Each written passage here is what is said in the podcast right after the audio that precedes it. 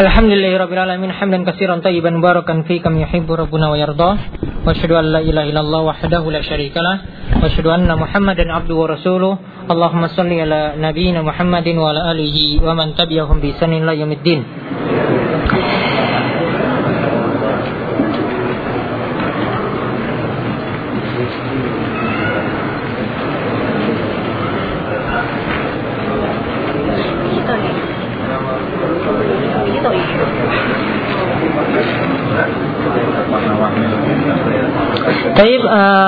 para peserta sekalian, ikhwan fiddin, wa rahimani wa Bapak dan Ibu-ibu sekalian semoga selalu dirahmati Allah Subhanahu wa taala.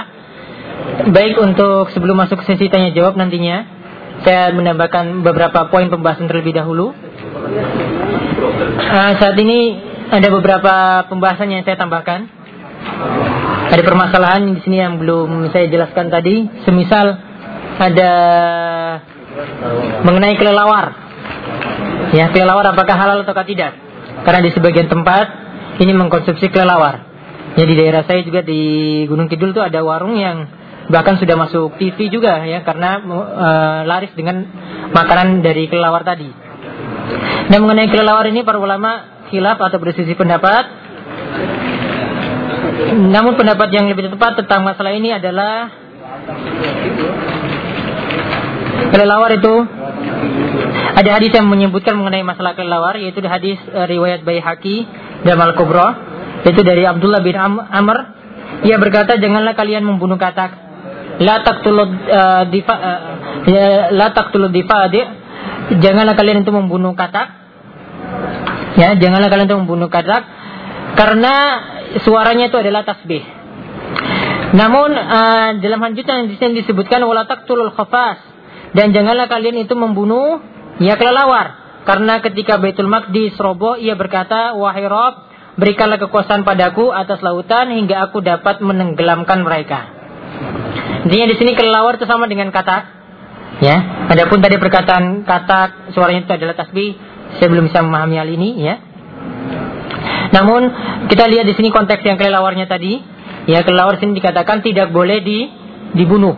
Ya kalian jangan kalian pula membunuh kelelawar. Maka di sini menunjukkan kaidah tadi di awal, hewan yang tidak boleh dibunuh berarti haram di dimakan. Maka kelawar kesimpulannya ya tidak boleh dimakan. Hmm? Pokoknya ya kalau hampir sama dengan kelawar ya sejenis masuk. Sama. Walaupun daerah namanya beda-beda pokoknya sejenis itu. Kemudian yang terakhir ada beberapa kaidah tentang ini yang pembahasan kita terakhir yaitu lima alasan kenapa makanan itu bisa diharamkan. Lima sebab makanan itu bisa diharamkan. Yang pertama, makanan itu bisa jadi haram walaupun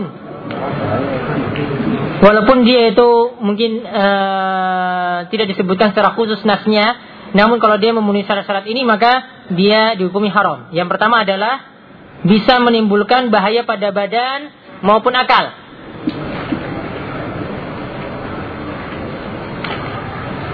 Misalnya yang pertama adalah makanan yang beracun. Ya, makanan yang beracun. Seperti tadi saya contohkan ada ular laut ya. Asalnya kan hewan air semuanya itu halal. Namun kalau ularnya itu beracun, maka jadi haram. Dari sisi itu yang diharamkan. Karena Allah Subhanahu wa taala berfirman, "Wala taqtulu anfusakum." Janganlah kalian membunuh diri kalian sendiri. Nah, ayat ini ini tercakup dalamnya pengertian tidak boleh kita mengkonsumsi yang dapat membahayakan diri kita, yaitu mengkonsumsi di antaranya ada tadi makanan yang beracun. Atau makanannya itu membawa efek bahaya kan tapi tidak bersifat racun. Misalnya, ada orang yang punya kebiasaan aneh makan tanah liat ya atau makan debu batu atau batu bara disikat. Ya? Atau aspal misalnya. Asalnya kan nggak ada kan? Ya? Tapi kan ini artinya dari segi ya segi kesehatannya dapat membahayakan dirinya. Nah ini nggak boleh. Karena alasannya adalah dalil tadi juga. Kemudian yang kedua yaitu yang dapat membawa efek memabukkan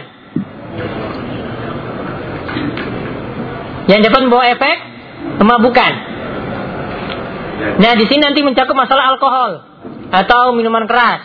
Nabi SAW itu bersabda, "Kullu muskirin khamrun wa kullu khamrin haramun." Wa kullu muskirin haramun. Setiap yang memabukkan itu adalah khamar dan setiap yang memabukkan itu haram. Maka di sini mencakup ya jadi setiap baik makanan mau minuman ataupun ada gas, misalnya dia pakai parfum orang cium langsung mabuk. Ya. Pas lewat sedikit langsung orang cium oh, langsung mabuk ya. Misalnya ada parfum ada seperti itu ya ini gas. Maka termasuk khamar. Jadi nggak dibatasi pada zat padat saja ya atau zat cair saja. Namun apa? Pokoknya mau zat padat, mau zat cair maupun gas, sifatnya tadi memabukkan, maka dihukumi ha, haram. Namun ada kaidah kedua lagi tentang khamar ini. Gimana kalau dia alasan? Gimana kalau saya minum bir satu tetes saja? Kan saya nggak mabuk. Maka ada hadis lain yang menerangkan minum satu, minum kalau minum banyak itu mabukan, minum sedikit walaupun satu tetes tetap haram. Ya, walaupun satu tetes tetap haram. Misalnya di pencandu minuman keras, lima botol itu belum belum mabuk. Ya kan? Seandainya kalau pakai dia itu belum mabuk. Ya. Tetap walaupun dia minum sedikit, ya, gak mabuk tetap haram. Bedanya seperti itu. Dan tolong dipahami baik-baik. Ini ini perlu diingat pembahasan ini ya. Karena dalam hadis itu cuma dibatasi dengan dua kaidah tadi. Ini dalam hadis seperti itu. Ya maka kita tidak bisa globalkan untuk setiap alkohol. Ini yang saya maksudkan di sini, terutama untuk alkohol yang digunakan di luar tubuh. Mungkin ada yang menggunakan parfum beralkohol, apalagi yang di luar tubuh apa? Di luar tubuh lagi obat-obatan ya betadin itu mungkin ada alkoholnya ya. Ya, tidak bisa kita globalkan alkohol itu untuk semua zat yang memabukkan. Kalau khususnya untuk yang di luar tubuh di sini ya, yang di luar tubuh di sini, selama dia digunakan di luar tubuh, ya, selama digunakan di luar tubuh, maka itu tidak termasuk dalam pengertian khamar. Tidak termasuk dalam pengertian khamar tadi.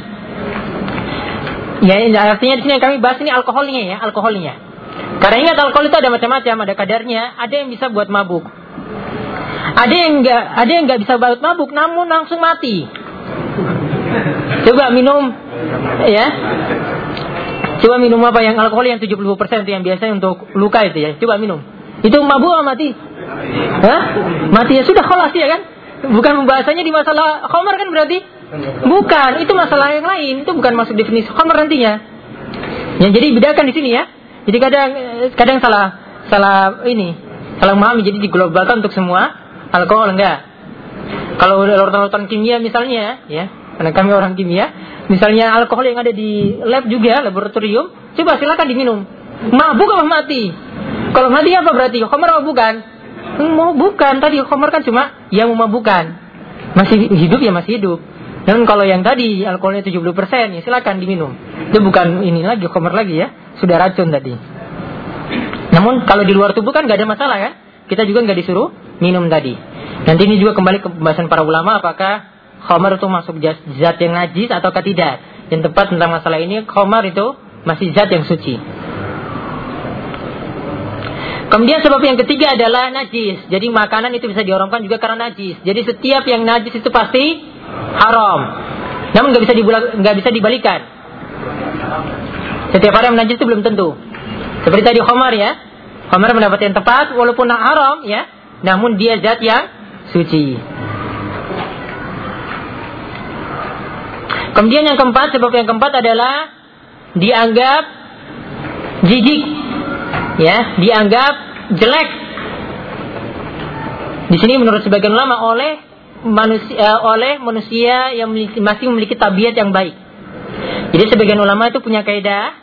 Jadi kalau dianggap menurut manusia normal, ya ini adalah sesuatu yang menjijikan, ya seandainya manusia manusia normal ya, karena beda beda orang-orang. Setiap orang tuh daerah itu beda-beda ya. Mungkin setiap orang lagi beda. Saya nggak senang makan makan belalang misalnya. Ini makanan kayak apa? Tapi setiap ada di sebagian tempat malah jual di jalan.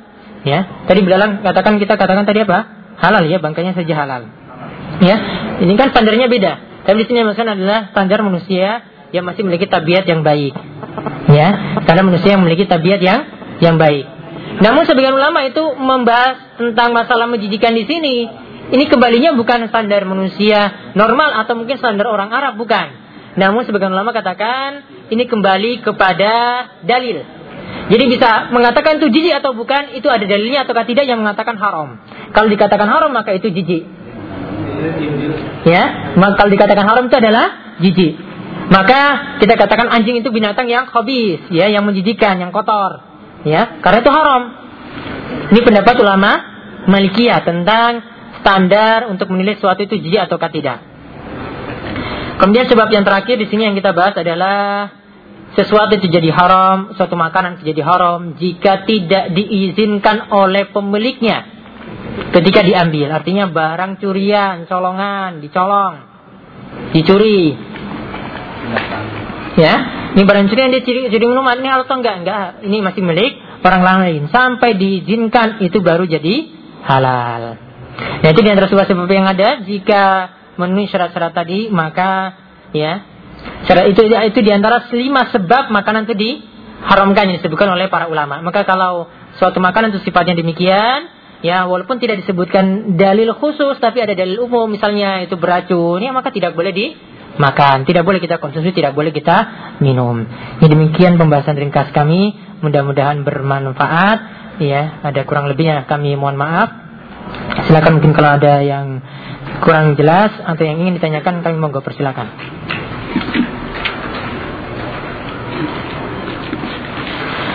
Taib, uh, pertanyaan dari pendengar website. Apakah hewan-hewan darat yang herbivora memakan tumbuhan semuanya itu boleh dimakan kecuali beracun? Benarkah demikian?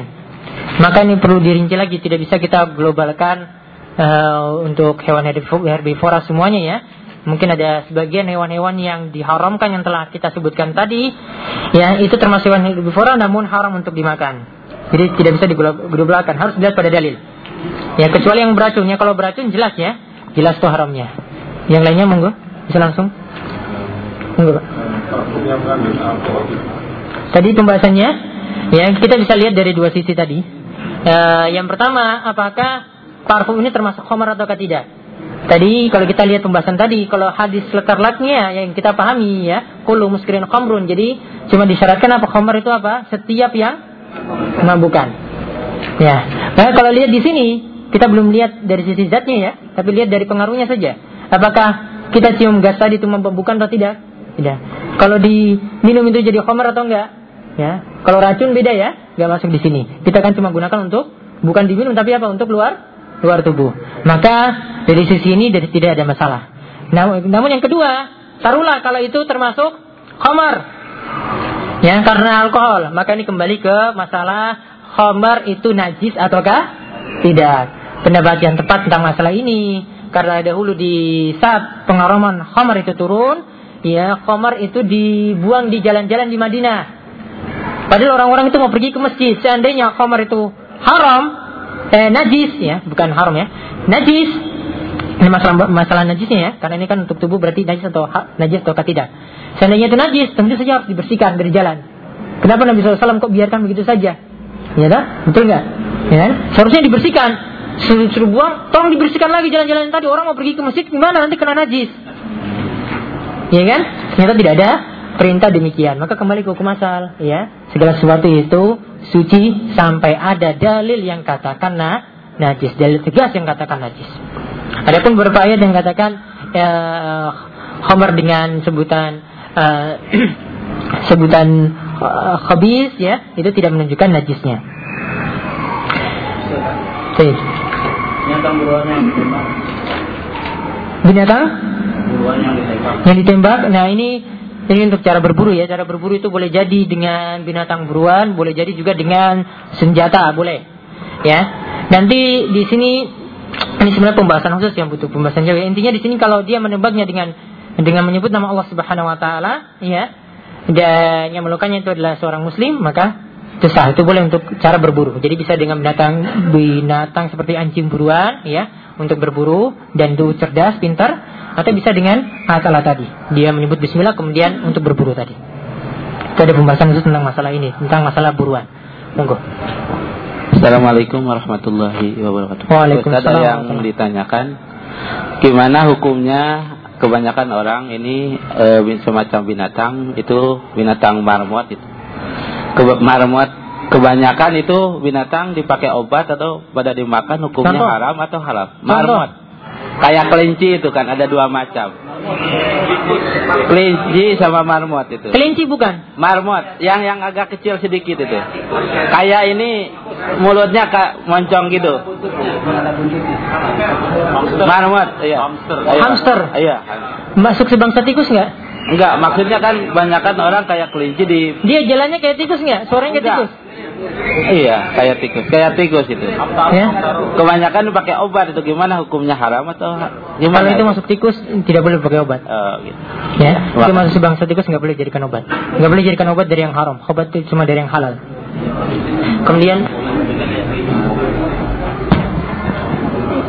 Ustaz eh, berkenaan dengan maka, tadi hewan-hewan yang haram itu apakah boleh di, eh, digunakan untuk selain dimakan gitu misalnya kulit kulitnya digunakan Ah. untuk apa Ah. gitu dan sebagainya Ya, ya, teh, teh. Baik, kalau hewannya eh ini ter- ini hewan yang diharamkan untuk dimakan, maka ini para ulama punya pembahasan tentang masalah najis atau tidaknya ya, ya. Intinya di sini hewan itu ada dua dua macam ketika dia itu mati. Ada hewan yang tadi halal untuk dimakan, seperti kambing misalnya ya, asalnya itu halal dimakan, namun dia mati dalam keadaan bangkai. Dia mati dalam keadaan bangkai. Maka kulitnya itu bisa jadi suci. Asalnya kan asal- asalnya kan najis. Itu bisa jadi suci jika disama. Istilah sama ini maksudnya ya pokoknya dia itu di mungkin dikeringkan atau yang dengan cara yang lain ya sampai ya najisnya itu hilang.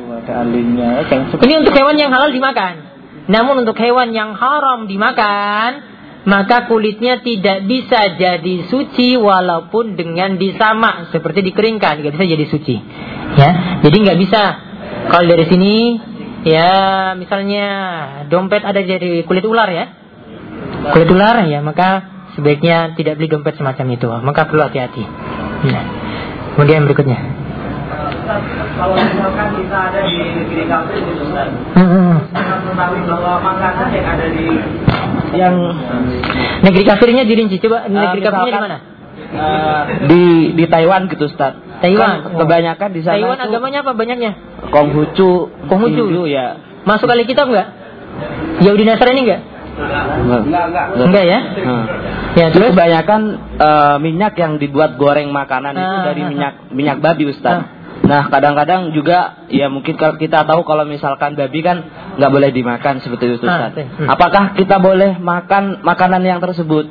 Ya kan kita kan ragu ini bener ini babi gimana? apa bukan gitu dari babi Pasti pasti babi biasanya. Kebanyakan minyaknya tuh dari minyak babi Ustaz. Kalau kita tidak masak sendiri gitu Ustaz. Gimana? Ah, taib, taib. Maka sini saya ah, rinci dulu. Ini tentang makanan dari orang non Muslim.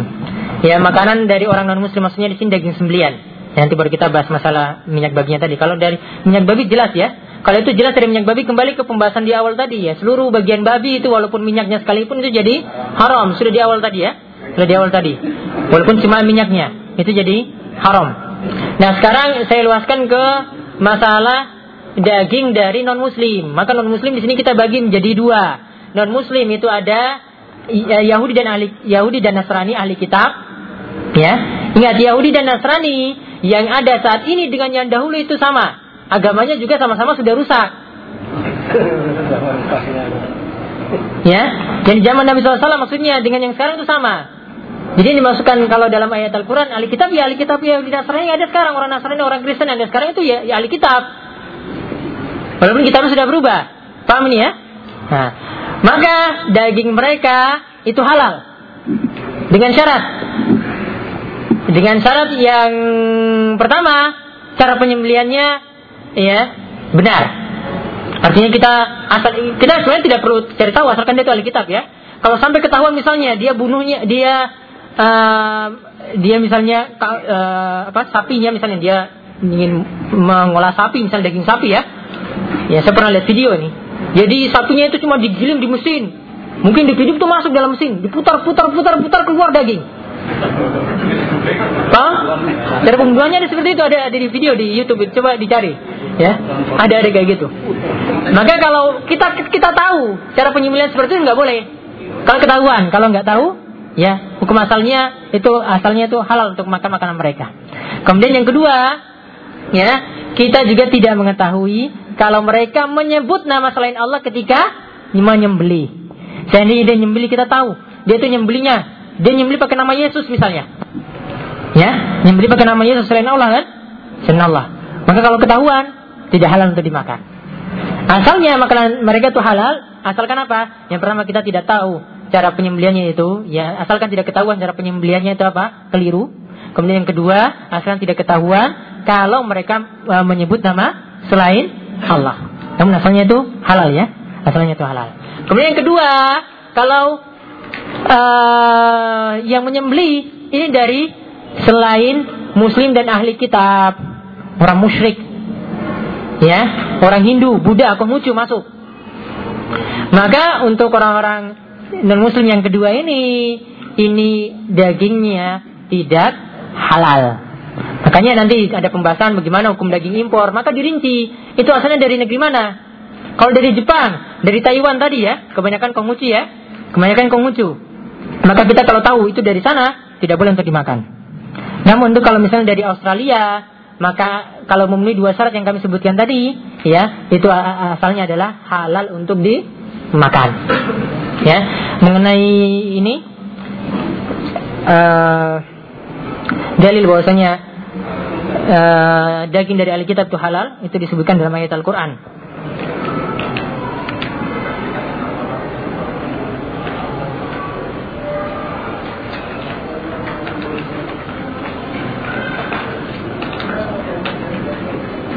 Mungkin ada yang ingat? Surat apa? Al-Maidah. Al-Maidah berapa? Al-Maidah ayat 5 tadi ya. Nanti dicek di surat Al-Maidah ayat 5 itu khusus untuk ahli kitab itu jadi halal. Selama syaratnya tadi ya. Kemudian yang lainnya? Saya mau saya mau nanya tentang uh, kebiasaan di Indonesia itu kan kalau ada orang meninggal kan ada peringatan tujuh minggu, seratus hari, Hmm, gini, gini, ya. seribu, hari gitu ya. Benda uh, benda pisang, Di- benda uh, ya. Iya. Di sana ada acara pemotongan hewan hewan juga seperti iya. apa kambing, apa sapi gitu. Ah, Yang ditanyakan bagaimana memakan makanan yang yang berupa mungkin dari hewan tersebut atau dari makan selai- makanan selain hewan tersebut seperti nasi apa Aslinya untuk uh, ya, paham. Ya. Ah. Baik. Ya, untuk Thailand untuk Maludan ya paham. Nah, ya. Jasinan berapa mulai dari berapa? 37 terus 40 terus 100 nyewu pendak pisan terus pendak apa? Pendak bindo terus yang terakhir apa? Yang terakhir berapa? Seribu. Ya, jujur aja, jujur seribu ya. Seribu. Gimana hukum-hukum makanan ini? Maka asalnya hukum makanan dari acara tersebut, ya, itu hukum asalnya itu halal. Hukum asalnya itu adalah halal. Selama tidak diketahui, ya, termasuk dari kriteria makanan haram yang tadi kita sebutkan. Misalnya tidak diketahui bahwasanya dia nyembeli, ya, orang yang nyembeli ini termasuk muslim ataukah tidak. Kalau yang nyembeli ini, ya, maka perlu diperhatikan di sini ya. Walaupun dia ikut yasinan, kadang juga nggak sholat kan? Ya kan? Kadang nggak sholat kan? Iya nggak? Iya. Nah, ini masalah dagingnya juga nanti di sini masalah. Ya, kalau kita katakan orang yang meninggalkan sholat itu kafir, nah, misalnya di satu kampung itu nggak pernah sholat sama sekali, jumatan juga nggak, datang cuma sekali setahun. Ya, ketika Idul Fitri aja pas mudik pulang kampung, baru dia Idul Fitri di kampungnya. Maka ini masalah dengan orang ini lagi. Ya, ini masalah dengan orang ini. Asalnya kalau dia itu muslim, intinya itu makanannya itu ha- halal. Namun kalau yang menyembeli ini sudah masalah, dia misalnya beli daging dari orang yang nggak sholat, ya biasanya yang, mungkin ada yang jual kambing, ya itu dari orang yang tidak sholat, ya maka hukum, hukum makanannya nanti kembali ke hukum orang tersebut. Karena orang yang hal, uh, uh, makanan yang halal itu adalah dari orang yang menyembelinya itu adalah untuk hasil sembelihan yang halal itu adalah hanya dari orang muslim dan ahli kitab. Selain itu, termasuk orang yang meninggalkan sholat. Kalau kita hukumnya orang sholat itu kafir, ya, maka dagingnya juga tidak halal. Namun asalnya, walaupun itu acara-acara yang tidak ada tuntunannya alias bid'ah, hukum asalnya adalah tetap halal selama tidak memenuhi syarat-syarat makanan yang diharamkan tadi. Tunggu. Assalamualaikum warahmatullahi wabarakatuh. Hmm, Waalaikumsalam. Eh, mohon maaf Ustaz mau tanya tentang poin kedua yaitu Ini. bangke ya. Nah, Ah. eh, fenomena di Indonesia saat ini adalah yaitu krisis moral Ustaz. Krisis moral Ini, yaitu bahwasanya para pedagang di kita itu sudah tidak amanah. Hmm. Ya.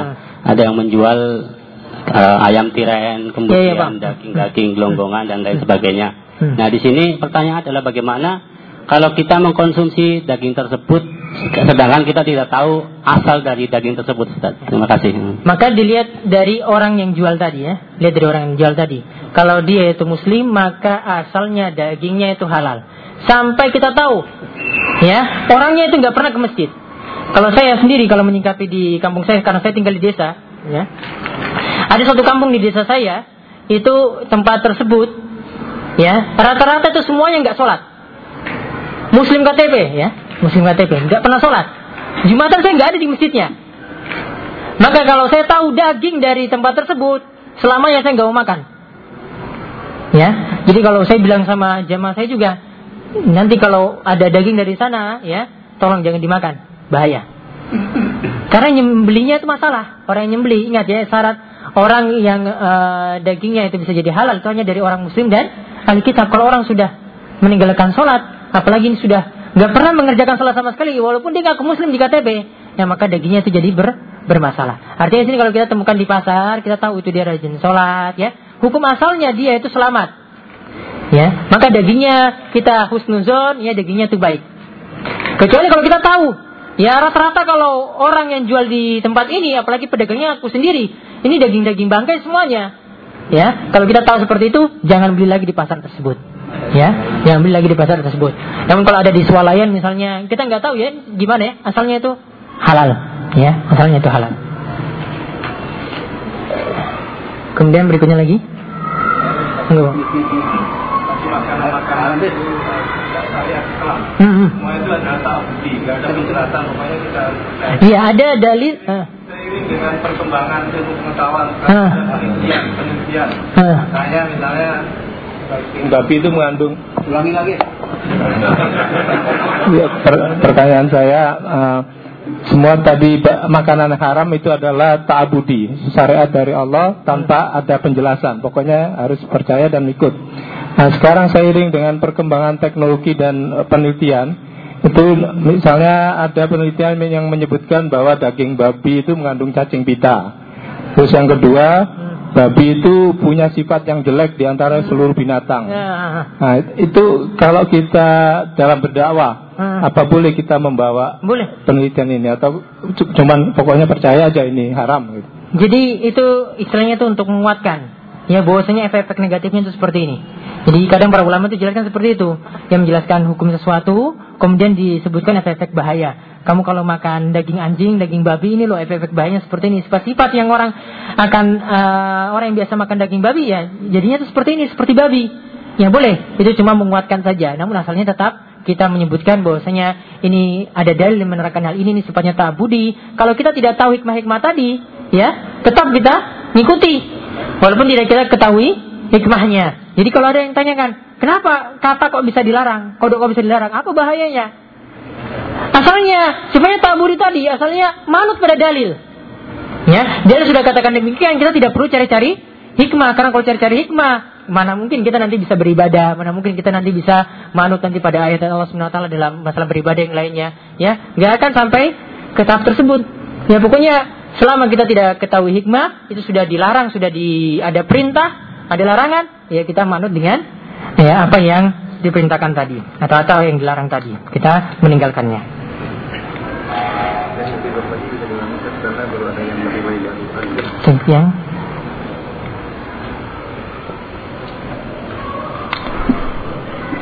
Yang tentang hewan darat tadi ya.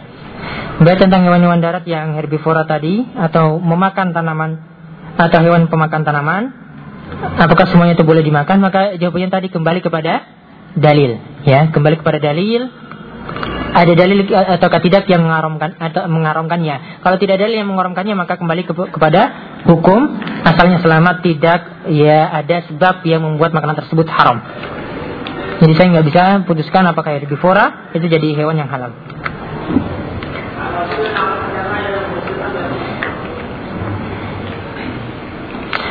Apa hukum minuman kopi yang diolah dari biji kopi yang berasal dari kotoran hewan luwak? Maka di sini pembahasannya adalah kembali kepada hukum hewan tersebut, ya. Apakah hewan tersebut ini termasuk hewan yang halal dimakan atau tidak? Kalau hewan tersebut itu halal dimakan, maka kotorannya itu tidak najis. Namun kalau hewan tersebut itu haram untuk dimakan, seperti anjing misalnya, maka kotorannya itu jadi najis, ya, jadi najis. Nah kalau luwak ini, ya ini perlu penelitian jauh tapi sudah beberapa ustadz meneliti hal ini. Ada yang mengatakan luwak ini termasuk hewan yang haram, ada yang mengatakan ada saya pernah dengar juga ada yang mengatakan itu halal, ya. Intinya di sini taruhlah kalau hewan tersebut itu haram ya artinya kotorannya itu nah, najis. Maka di sini lihat dari pengolahan terakhir dari luwak tersebut uh, kotoran yang dihasilkan. Ya, apakah setelah kotoran yang dihasilkan, misalnya biji kopi tadi, kemudian masuk ke dalam luwak tadi, kemudian dikeluarkan, apakah sifat najisnya itu masih ada atau tidak? Kalau sifat najisnya itu sudah hilang, maka kembali ke hukum. Asalnya dia seperti kopi yang tidak, ya tidak pernah tersentuh dengan najis, maka artinya jadi halal. Jadi saya tidak bisa hukumi di sini. Jadi mesti lihat dari penelitian lebih jauh, apakah kopi luwak ini sudah diolah dengan baik atau tidak sehingga hilang najis-najis yang ada. Iya, iya. Nah, MUI putuskan gimana? Halal ya. Maka seperti itu. Ya, fatwa MUI memutuskan halal. Ya, jadi itu mungkin penelitian yang lebih jauh dari MUI, ya. Dan setahu kami juga pengolahan untuk kotorannya artinya tidak ada najis lagi dari produksi kopi luwak tersebut. Maka insya Allah hukumnya adalah halal sebagaimana diputuskan tadi oleh MUI. Kemudian ada yang menanyakan mengenai hukum cacing di sini, apakah digolongkan sebagai hewan yang haram dimakan atau tidak? Maka di sini saya tadi sudah membahas ada kriteria atau lima sebab hewan yang diharamkan. Di antaranya tadi hewan tersebut ya dikatakan menjijikan oleh tabiat yang selamat. Namun di sini para ulama yang lainnya berpendapat yang menjijikan di sini sebenarnya bukan dilihat dari orangnya, namun ya dilihat dari dalil. Dan salah ini pendapat yang saya pegang, yaitu pendapat ulama Malikiyah. Jadi kembali kepada dalil. Adakah dalil yang menjelaskan secara tegas mengenai hewan tersebut? Kalau tidak ada maka kembali kepada hukum asalnya. Walaupun sebagian orang mungkin merasa jijik dengan makanan tersebut. Namun sebaiknya kalau memang cacing ini tidak uh, tidak perlu dilihat lagi, ya apakah cacing di sini ini obat darurat atau tidak? Kalau selama kalau bukan obat darurat, artinya masih ada obat yang lain, ya sebaiknya memakai obat yang tidak berasal dari cacing agar terlepas dari perselisihan para ulama. Wallahu a'lam.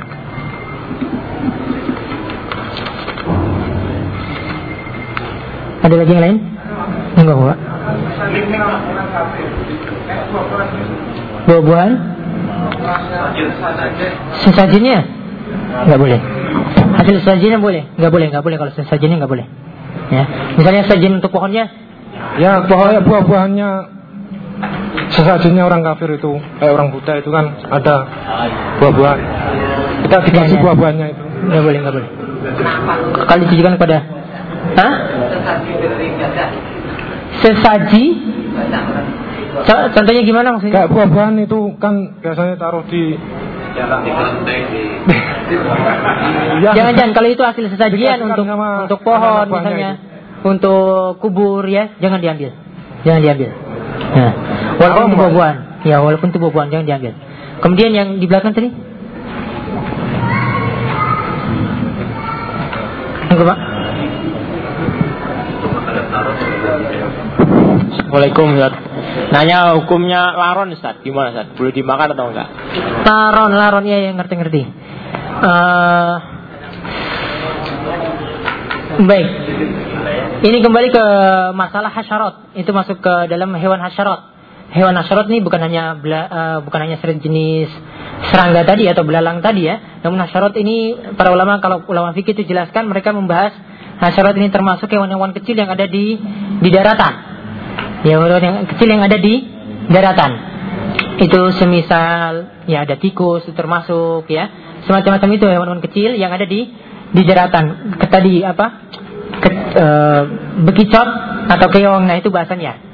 Nah, dan itu juga termasuk dalam pembahasan hasyarat. Di sini para ulama kembali ke pembahasan uh, sebagian ulama itu menilainya hewan hasyarat itu mereka golongkan kalau dia sudah masuk dalil-dalil yang mengharamkan maka sudah selesai tadi ya sudah dibahas. Berarti hukum asalnya itu adalah dia kembali ke hukum hukum hukumnya adalah haram. Kalau sudah dijelaskan dalam dalil itu haram. Seperti misalnya tikus. Kan tadi sudah diterangkan tikus itu diperintahkan untuk di dibunuh. Ya tikus itu diperintahkan untuk dibunuh. Maka itu sudah jelas. Lalu mereka membahasnya lagi tentang dop hukum dop itu gimana? Dop itu bukan biawak ya. Jadi salah biasanya ada yang salah terjemahin. Dob itu hewan yang hidup di padang pasir. Ya, hewan yang hidup di padang pasir. Apakah ini uh, halal dimakan atau tidak? Ya, Nabi SAW sendiri tidak mau mengatakan uh, tidak mau memakannya karena beliau itu jijik untuk memakannya. Namun ya ini bukan menunjukkan keharaman juga. Ya ini juga bukan menunjukkan keharaman dob. Sedangkan hewan-hewan Selainnya, selain dok tadi, ya selain yang sudah disebutkan dalam dalil. Nah ini para ulama kembalikan ke masalah hewan-hewan tersebut termasuk hewan yang hobis atau tidak. Nah, sebagian ulama katakan itu kalau menurut orang Arab itu hobis. Orang Arab itu jijik dengan makanan seperti itu. Laron misalnya dianggap jijik oleh orang Arab, ya maka jadi haram. Namun, eh, sebagian ulama katakan, yang lainnya katakan itu kembalikan kepada dalil. Tadi seperti saya katakan tentang hewan yang menjijikan. Ya, seperti saya katakan tadi pada hewan yang eh, hewan yang menjijikan, kalau menurut ulama Malikiyah itu tetap kembalikan kepada dalil. Kalau tidak ada dalil, maka kembalikan ke hukum asal. Hukum asalnya adalah halal. Walau tentang masalah laron, ya, Insya Allah tidak ada masalah tentang masalah ini karena sejauh ini juga kami tidak menemukan dalil yang mengharamkannya. Monggo Pak. Assalamualaikum Pak. Kita sebagai masyarakat Jawa, Gini. orang Jawa kalau mau ada peringatan atau hmm. mau ada perayaan, hmm. itu suka sukanya memotong ayam atau jago Gini. untuk ingkung itu. Hmm. Tapi kebanyakan sebelum dipotong itu ayamnya dimandiin. Tujuannya apa kita nggak tahu, tapi Sudah biasanya mati belum ketika dimandiin? Ya masih hidup kan. Masih nah, hidup ya? dimandiin kadang dengan air bunga dengan yang lain pokoknya dimandiin. Oh. Nah itu dagingnya gimana? Haram atau halal? Tat? Sekarang. Itu enggak bukan maksud untuk sesajen atau lain-lain enggak ya? Biasanya ya kan untuk ingkung, ingkung itu ya. Kalau untuk ada tumpengan, ada ingkungnya itu, ah. ayamnya biasanya dimandiin yang motong mudunnya. Tumpengannya itu maksudnya bukan untuk sesajen kan? Untuk rombongan RT gitu ya? Iya, tapi kan ada ingkungnya untuk ah. sebenarnya untuk garis untuk hiasan. Uh, tapi tujuannya untuk saatnya pak kita Allah Allah nggak tahu juga. Tapi biasanya dalam suatu perayaan adat itu kan ada ingkung. Ada ah. ingkungnya itu ayam jagunya sebelum dipotong itu dia yang motong Pak Mudin. Pak Mudin ya, Pak. ya terus uh, dimandiin dulu tat. Nah itu makanya saya, saya pertanyakan dagingnya itu boleh dimakan haram atau halal gitu tat. Kalau lihat dari cara penyembelihnya tadi kalau selama dimandikan itu tidak membuat mati, artinya cuma disiram aja atau dicelupkan ke, ke air. Dimandiin tat pakai bunga, pakai ya dimandi keramasin oh, gitu di, Saya kira dicelupin ke air. Enggak tat. Itu namanya ayam celup tat. dimandikan ya, dimandikan ya Pak, Pak, Pak. Ya. Asalnya kalau dia di situ dia nyembeli dengan cara yang benar, maka ya dagingnya tidak ada masalah.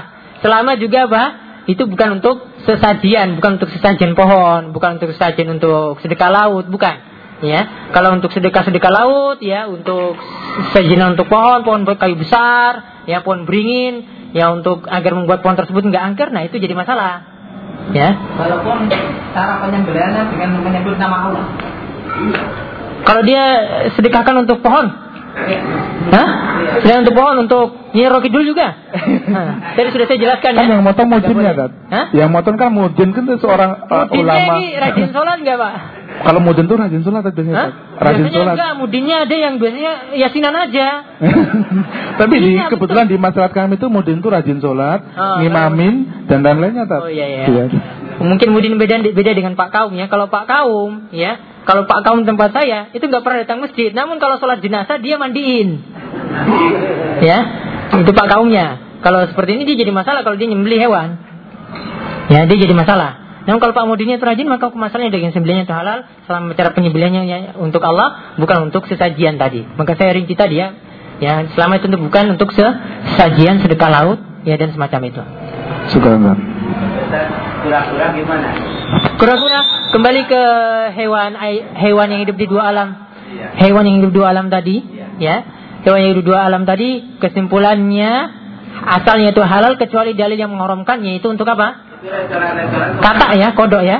Ya, selain itu kura-kura, penyu, apalagi udang kalau naik air kan, terus kepiting, nah itu asalnya halal. Ada landak laut juga ya, asalnya halal juga. Assalamualaikum Ustaz. Nih, Saya mau nanya nih, saya eh, kita kan tinggal di kompleks yang di mana banyak agama-agama lain. Terkadang ag- tetangga meminta kita untuk menyembelihkan hewan. Nah, gimana kita menyikapinya? Apa kita mau menyembelih atau nah kalau sekiranya kita tidak menyembelih atau orang lain menyembelih hasilnya gimana? Dan atau gimana kita mau mau boleh atau boleh atau tidak? Boleh atau tidak eh, menyikapi hal semacam itu gitu. Jadi ada yang minta untuk nyembelih. Ya itu termasuk bentuk berbuat ihsan ya. Termasuk bentuk membuat ihsan, artinya berbuat baik. Nah kalau minta tolong kalau ini ya kita apalagi cara menyembelihnya benar, kita dianggap rajin sholat situ. Selama itu untuk bukan untuk kegiatan yang macam-macam, untuk kegiatan kebaikan ya kita menolongnya. Maka insya Allah juga mendapatkan pahala. Tidak berhubungan dengan tolong menolong dalam agama mereka gitu Ustaz. Maksudnya apa untuk non muslim? Iya. Untuk acara apa? Eh, acara keagamaan mereka gitu. Mereka Nah, kalau untuk acara eh, keagamaan nggak boleh, nggak boleh. Jangan ya. Nggak boleh. Oh ya, terima kasih. Hmm. Nggak boleh untuk acara keagamaan. Misalnya untuk Natalan ya, terus kita nyembeli untuk acara Natalannya nggak boleh.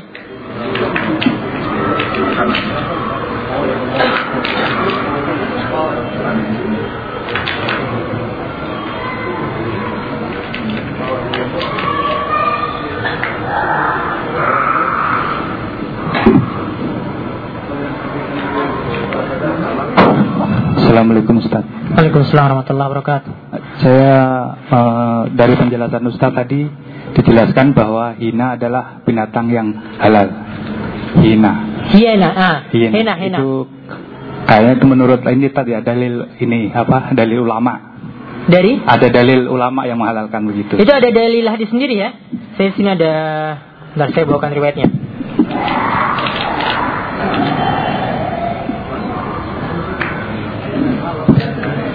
Tentang hena, Saya lanjutkan dulu tadi ya. nggih nggih, monggo. Eh, padahal kalau kita lihat dari penjelasan Ustaz tadi, Hmm. hina adalah termasuk hewan yang mau pemakan bangkai ya, jalalah ya, Iya, iya. makan bangkai. Terus penjelasan kedua lagi, jijik eh, pendapat manusia kalau jijik jelek dan sebagagnya. Hmm, ya dia Nah, jelek ya. Tapi kemudian dikalahkan dengan dalil. Yang jadi Nah. pertanyaan saya, Hmm. tidak semua ulama itu kan ketemu sama binatang yang Yang sempat dia Nah. mengkonsumsi Ah, apa begini sehingga kita mengikuti gitu. Hmm. Nah itu ma- masalahnya di situ tadi. Yang jadi pertanyaan saya, kalau kita makan sesuatu yang kita anggap haram, kemudian ulama menghalal menghalalkan gitu, itu apa kita kebingungan gitu kita? Maka intinya di sini ya, alaikum bisunnati wa sunnatil khulafaur rasyidin ya, berpegang teguhlah terhadap sunahku.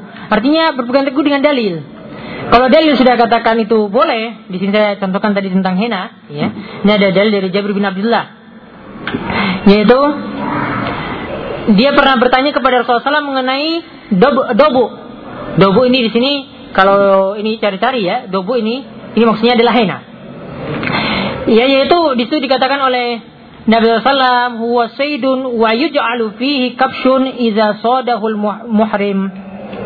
Binatang tersebut termasuk binatang buruan. Artinya kalau boleh diburu berarti halal, ya kan? Halal. Jika orang yang sedang berihram untuk memburunya maka ada kewajiban sembelian domba jantan. Artinya dia punya kewajiban untuk menyembelih domba jantan karena ketika ihram itu dia nggak boleh berburu. Ya. Kemudian ada riwayat juga dari Ibnu Abi Ammar. Ia berkata, Langsung saya terjemahkan. Aku bertanya pada Jabir bin Abdullah yang tadi bertanya pada Rasulullah SAW mengenai henna. Kemudian aku pun dibolehkan untuk memakannya. Aku pun bertanya, apakah binatang tersebut termasuk hewan buruan? Jawaban Jabir, iya. Kemudian aku berkata, apakah engkau mendengar hukum binatang tersebut dari SAW? Jawab Jabir juga, iya betul, saya dengar langsung dari Nabi SAW. Maka di sini dalil ini tegas apa? Mengatakan kalau ini dibolehkan. Ya, artinya ini dikhususkan dari dalil yang sifatnya umum tadi, yaitu hewan yang bertaring, ya, hewan hewan buas yang bertaring dikhususkan untuk hena saja, yang lainnya tetap kembali kepada dalil tersebut, yaitu haram, maka sehingga tetap haram. Cuma ini aja, ya, karena dikhususkan karena adanya adanya dalil. Seperti itu. Jadi kalau ulama ya mungkin di tidak menemukan binatang-binatang yang ada di negeri kita, ya, maka kita bisa melihat apakah ini masuk golongan yang mana. Mungkin di tempat kita kodok dengan yang di Saudi dengan yang di Indonesia mungkin agak beda mungkin ya kemiripannya agak beda bentuknya misalnya ya. Maka lihat itu masuk kodok atau enggak? Lihat dari dari dari istilahnya dari golongan masuk golongan kodok atau kata tidak. Kalau masih masuk ya berarti masuk ya pembahasan tatak yang dioromkan tadi. Ya. Namun kalau tidak ada maka kembali ke hukum. Asalnya termasuk hewan yang hal untuk dikonsumsi. Sebagaimana hukum asal segala sesuatu itu adalah halal. Lagi kurang jelas? Ya. Intinya sini kembalikan pada pada dalil. Yang mudahnya itu kembalikan pada pada dalil.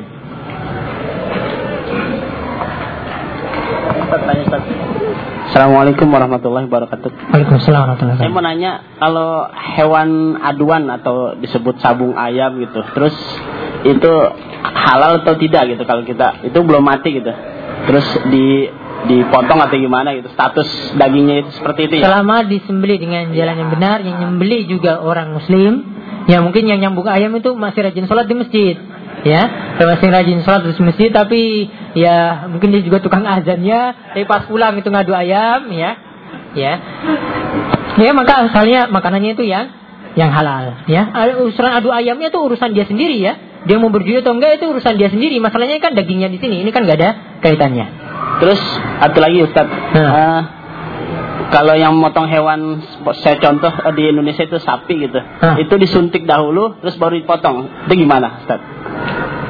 Suntik nah, dahulu? Di, Suntik untuk tujuannya apa? Dibius gitu. Dibius. Dibius sudah mati belum? Lalu alam mati atau belum? Saya pernah lihat gitu. Lemas saja kan? Bukan bukan sudah mati ya, nyawanya nggak hilang ya. Ya maka asalnya kalau masih hidup ya berarti belum mati ya asalnya halal. Assalamualaikum warahmatullahi wabarakatuh. Waalaikumsalam warahmatullahi wabarakatuh. Uh, Wasad ini mau nanya, kalau di Indonesia itu ada tempat uh, pemotongan hewan ya, huh? ada tempat pemotongan hewan. Taruhlah seperti di tempat saya ada perusahaan tempat pemotongan hewan namanya PT Pokpan. Nah itu dia motong hewannya, misalkan uh, banyak gitu kan ya. Hmm. Dan mengucapkan asmaullahnya cuma sekali misalnya dalam satu bulan atau Enggak, enggak, enggak, enggak tiap hari, enggak tiap dia motong. Itu gimana hukumnya itu? Yang lainnya gitu, untuk hewan yang lainnya yang dipotong itu? Walau alam saya belum belum meneliti tentang hal itu. Mungkin Ustaz yang lain yang bisa jawab. Walau alam saya belum tahu. Terima kasih. Yang lainnya? Masih satu lagi yang terakhir aja. Sudah mau aja. Ih, belum ya? saya kira sini sudah jam 5 lewat. Lagi, uh, Ustaz, uh, saya pernah dengar kalau misalkan uh, kotoran binatang yang bisa dimakan itu hukumnya tidak najis kan Ustaz? Oh, kotoran, iya iya betul, tidak najis. Tadi tadi sudah singgung ya. Nah, Terus? Gimana kalau misalkan kotoran itu dijual diperjualbelikan seperti pupuk pupuk kandang gitu Ustaz? Apa itu boleh Ustaz? Kalau dia selama tidak najis aslinya masih suci seperti kotoran ayam ya, maka seperti kotoran ayam maka tidak ada masalah. Namun kalau sudah najis ya maka itu jadi masalah untuk diperjualbelikan. Karena setiap najis itu jadi haram yang haram itu tidak boleh diperjualbelikan. Maka tidak boleh. Bahkan ada dalil tegas misalnya ya anjing itu tidak boleh diperjualbelikan. Walaupun anjingnya itu anjing herder yang mahal sekalipun. Ya upahnya dari penjual ataupun pembeli ya itu haram. Ya begitu juga kucing. Ini kucing termasuk hewan tidak boleh diperjualbelikan. Ya karena ada dalil tegas juga yang katakan kucing tidak boleh diperjualbelikan. Kalau mau diberikan juga gratis cuma-cuma Ya, tidak boleh lewat jalan jual beli kalau sebagai hadiah, ya tidak ada masalah. Yang lainnya? Enggak Kalau makanan kan bau bisa mengeluarkan bau mulut. Petai berarti. Makanan yang bisa membawa bau mulut, jengkol atau petai itu hukumnya Haram. gimana? Haram. Ya, haram atau enggak? Semalam saya makan petai di tempatnya. Gak ada masalah ya untuk petai. Namun bau mulutnya sebaiknya ya segera dihilangkan kalau mau menghadiri sholat ya, agar tidak mengganggu jamaah yang lainnya. Kalau mencium bau mulutnya tadi ketika sholat. Kalau kita kan eh, kadang-kadang kita akan ke pasar, kemudian eh, beli ayam gitu, langsung dipotong. Nah itu yang motong kan kita nggak tahu mereka sholat atau enggak gimana gitu. Nah. Pokoknya asalnya kalau kita tahu itu dia muslim itu halal atau ahli kitab. Karena kalau di tempat kita kan kalau nggak Nasrani, ya mungkin itu muslim kan, asalnya halal. Kecuali kalau ketahuan dia itu nggak sholat ya, ketahuan dia itu orang Hindu, orang Buddha, ya, atau dia pokoknya ketahuan dia nggak sholat, nah itu kalau ketahuan saja baru ini. Ya, asalnya dihukumi tadi. Karena tempat kita kalau nggak nggak muslim ya ahli kitab yang biasanya beraktivitas seperti itu. Karena Hindu Buddha sedikit. Kalau misalkan dibeli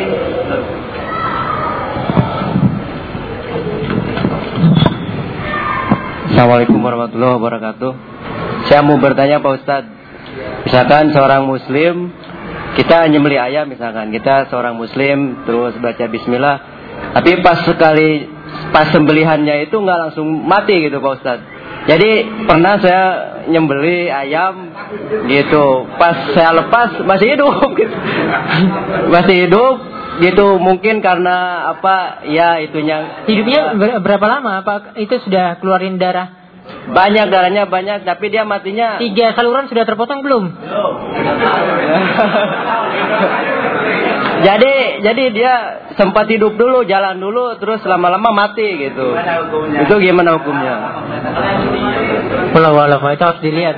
Tiga saluran tadi sudah disembelih apa belum? Iya. Saluran makan, saluran pernafasannya itu sudah benar-benar disembelih apakah belum? terus apakah benar kalau kita pas nyembelih itu sekali gitu nggak boleh diangkat dulu pisaunya iya Walau walau saya belum tahu dalil untuk melarangnya. Ya memang eh, di sebagian tempat termasuk tempat saya sendiri nggak boleh. Itu di gini-gini nggak boleh ya. Harus angkat, harus sembelih gitu, angkat lagi baru gini lagi nggak boleh. saya pernah dengar jadi pas nyembelih jangan diangkat dulu pisaunya gitu jangan diangkat eh. jadi harus nempel terus gitu Harus nempel Itu- terus. Walau walau saya belum tahu dalil yang melarangnya. Asalnya boleh. terus yang masalah ayam yang tadi gimana Pak Ustadz itu halal apa haram Hah? Walau walau. Harus dilihat eh, penyembelihannya tadi seperti apa.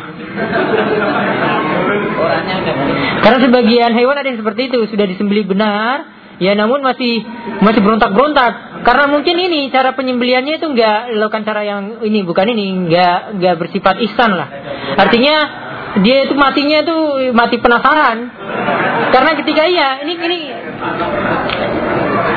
ya ini ini cara penyembelihan yang kurang tepat ini. Kalau kita misalnya mau menyembelih korban ya misalnya hari raya Idul Adha ya, kambingnya itu jangan diantriin lihat temannya itu lagi di ini ditebas lehernya jangan.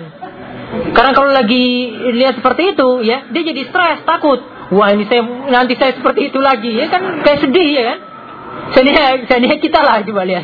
Perasaan kita kalau lihat ada orang disakiti kayak gitu gimana kita? Sudah ketakutan kan?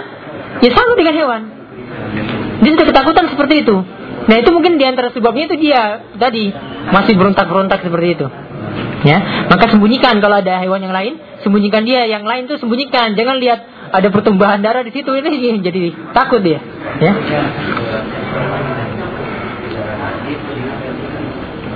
Ya kita memiliki alat musik. Apa sebaiknya dilakukan dengan alat musik tersebut? Apakah boleh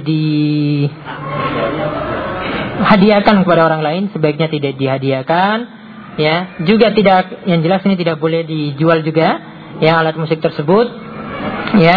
Sebaiknya di bumi anguskan ya. Sebaiknya seperti itu.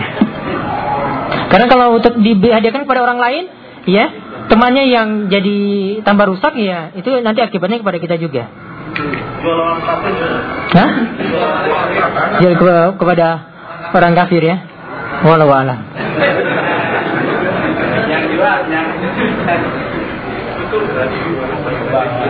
Bagaimana hukum memakai sarung yang bahan bakunya tercampur dengan sutra?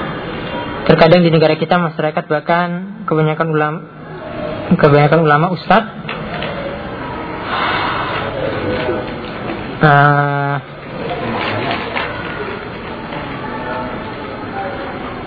Oh, ada yang menjual, ada yang membolehkan bah- di kainnya tadi tertulis ya bahan sutra sekian persen. Mungkin menurut beliau-beliau kalau tidak pakai sarung tersebut tidak apa nih tidak tidak dibatalkan. Mungkin ada yang bertanya ini?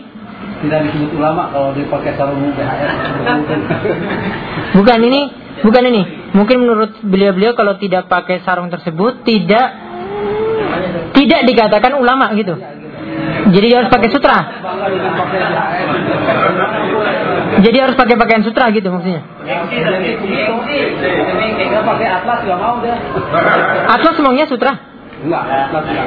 Oh, maksudnya kayak seperti itu, seperti pakai eh, pakai kain atlas. Kalau nggak pakai kain atlas nggak disebut ustadz gitu, nggak disebut kiai. Oh, penting itu. Walau mah untuk asalnya ya nggak boleh memakai pakaian kain sutra ya kecuali hanya sedikit ya kurangnya sedikit ya nggak sampai sekian persen apalagi sampai 10 persen ya seperti itu nggak nggak seperti itu kecuali kalau orang yang punya penyakit ya terpaksa dia memakai kain kain sutra ini masalahnya beda lagi ada lagi yang, yang terakhir mungkin ya monggo pak Kan tadi dijelaskan kalau hewannya itu nggak najis apa nggak haram berarti kotorannya juga hal, apa nggak najis. Kalau najis jelas haram, kalau haram belum tentu najis. Najis. Nah sekarang itu ada berita di Cina itu dia mengembangkan teh dari kotoran panda itu gimana? Maka kembali ke panda itu termasuk hewan buas apakah enggak, bertaring atau enggak, saya belum meneliti tentang panda juga karena jarang melihatnya ya tentang panda. Panda barangkali itu mirip dengan beruang ya. Mirip dengan beruang. Ya itu perlu dilihat lagi lebih jauh ya. Saya belum melihat tentang masalah tersebut. Ada lagi yang lain? Sebagainya, monggo. Pak Nano ya. Assalamualaikum warahmatullahi wabarakatuh. Waalaikumsalam warahmatullahi wabarakatuh. Ustaz tadi langsung saja tadi bilang Ustaz bahwa uh, daging sembilan dari ahlul kitab itu halal. Hmm. Dan tadi juga Ustaz bilang bahwa orang muslim yang jelas-jelas tidak sholat itu tidak boleh. Dan sedangkan orang kafir sendiri atau ahlul kitab itu sendiri bisa dibilang katakanlah kafir gitu. Gimana Ustaz? Karena tadi ahlu kitab saja dagingnya itu halal ya toh, sedangkan orang yang muslim yang nggak sholat. Nah, ini masalahnya ini muslimnya ini cuma ngaku-ngaku muslim. Ya, muslim KTP yang di sini makanya di sini perlu dirinci memang tentang masalah orang yang meninggalkan sholat yang bagaimana kita bisa katakan tuh dia kafir. Maka para ulama itu jelaskan ada beberapa perincian tentang masalah ini. Kalau dia yang pertama kalau dia itu mengingkari kewajiban sholat, ya artinya ya nggak sholat juga nggak apa-apa, ya dia punya keyakinan punya etikot semacam itu, maka ya para ulama sepakat dia itu kafir. Menganggap sholat itu tidak wajib. Kemudian yang kedua, masih menganggap sholat wajib, namun juga nggak sholat. Ya, boleh jadi dulu awal-awal mungkin kecil tuh rajin, ya, atau mungkin ketika SMA tuh rajin, ya, ketika masih muda rajin. Namun setelah mungkin setelah nikah tuh nggak pernah sholat belas, nggak pernah sholat sama sekali. Ya, maka ini kembali kepada hadis Nabi SAW. Ini Nabi SAW itu pernah bersabda, "Al ahdu alladzi bainana wa bainahum as-shalah, faman taraka faqad kafar." Perjanjian di antara orang muslim dan orang kafir adalah mengenai perkara salat. Barang siapa meninggalkan salat, maka dia kafir. Jelas ya? Sini enggak di dikatakan kafir kecil, kafir besar, kufur akbar, kufur asgor enggak. Kafir mutlak. Dan juga Umar bin Khattab juga pernah mengatakan la Islam liman taroka sholat. Tidak disebut muslim orang yang meninggalkan sholat. Tidak disebut muslim. Maka ini untuk orang-orang semacam itu. Dia ngaku akan kewajibannya namun ya tidak pernah juga meninggalkan sholat. Kemudian yang ketiga, orang ada orang yang bolong-bolong sholatnya. Gitu? Subuh nggak sholat, zuhur, asar, maghrib, isya rajin satu sholat ya atau mungkin beberapa sholat dalam sehari dia tinggalkan tapi masih sholat juga masih sholat ketika ingat aja atau ketika ajak teman aja dia sholat Maka untuk orang semacam ini, ya, ini dikatakan oleh para ulama dia ini orang munafik dan meninggalkan satu sholat itu tetap termasuk dosa besar namun dia masih muslim. Cuma memiliki tanda-tanda munafik. Dia masih muslim. Dia muslim yang fasik karena meninggalkan salah satu rukun Islam. Dan meninggalkan satu rukun Islam itu dosanya besar ya. Ya. Para ulama sampai Ibnu Qayyim itu mengatakan para ulama itu sepakat dosa meninggalkan satu sholat saja itu lebih besar daripada dosa membunuh, daripada dosa berzina, daripada dosa-dosa besar yang lainnya. Di orang yang berzina, eh, orang yang meninggalkan sholat itu dosanya lebih besar daripada dosa orang yang berzina. Ya, itu saking parahnya seperti itu. Maka kalau orang seperti ini ya tadi, ya saya katakan dia masih muslim namun orang yang fasik karena sering berlumuran dosa. Nah, intinya di sini lihat ya, orang yang meninggalkan sholat yang yang bagaimana di sini. Kalau yang pertama dan kedua, ya ini bermasalah. Ya, kalau dia itu menyembeli hewan. Namun kalau yang ketiga, kalau dia masih muslim, ya cuma bolong-bolong saja sholatnya, dia itu bolong-bolong sholatnya. Nah ini uh, daging sembelihannya itu masih halal. Ya jadi dilihat muslim itu seperti apa yang kami maksudkan tadi. Kayaknya sudah ya. Ada lagi ya? Uh. Masih bilang kafir juga. Kenapa dibolehkan sedangkan untuk Dibolehkan karena ada dalil yang membolehkan. Dalil. Iya kan? Sudah. Sudah demikian yang kami sampaikan ada kurang lebihnya kami mohon maaf. Ya silakan nanti kalau ada masukan atau kritikan silakan sampaikan kepada kami ya bisa nanti setelah majelis ini ataupun nanti kalau ketemu kami atau mungkin di website. Ya nanti silakan ada di makalah atau ada di alamat website nanti silakan dilihat. Juga pembahasan-pembahasan yang ada nanti kami berusaha lengkapi nanti tentang permasalahan-permasalahan yang mungkin tadi tidak bisa kami bahas atau menjawabnya secara secara lengkap. Ya intinya di sini pembahasan ini sebenarnya sudah dibahas di website kami silakan dilihat lebih lengkap Ya, set pembahasan pembahasan lengkapnya sudah ada di website tersebut. Beberapa hukum penjelasan makanan kelelawar misalnya sudah kami bahas. Hukum cacing sebagai obat juga sudah kami bahas. Silakan merujuk langsung ke website tersebut. Jadi demikian kami cukupkan. Ada kurang lebihnya kami mohon maaf. Uh, lebihnya dari Allah Subhanahu Wa Taala. Kekurangan yang ada itu dari kami sendiri dan kebodohan kami dan godaan dari syaitan. Subhanakallahumma bihamdika asyhadu an la ilaha illa anta astaghfiruka wa atubu ilaik. Wassallallahu ala nabiyyina Muhammad wa ala alihi washabihi ajmain. Walhamdulillahirabbil alamin.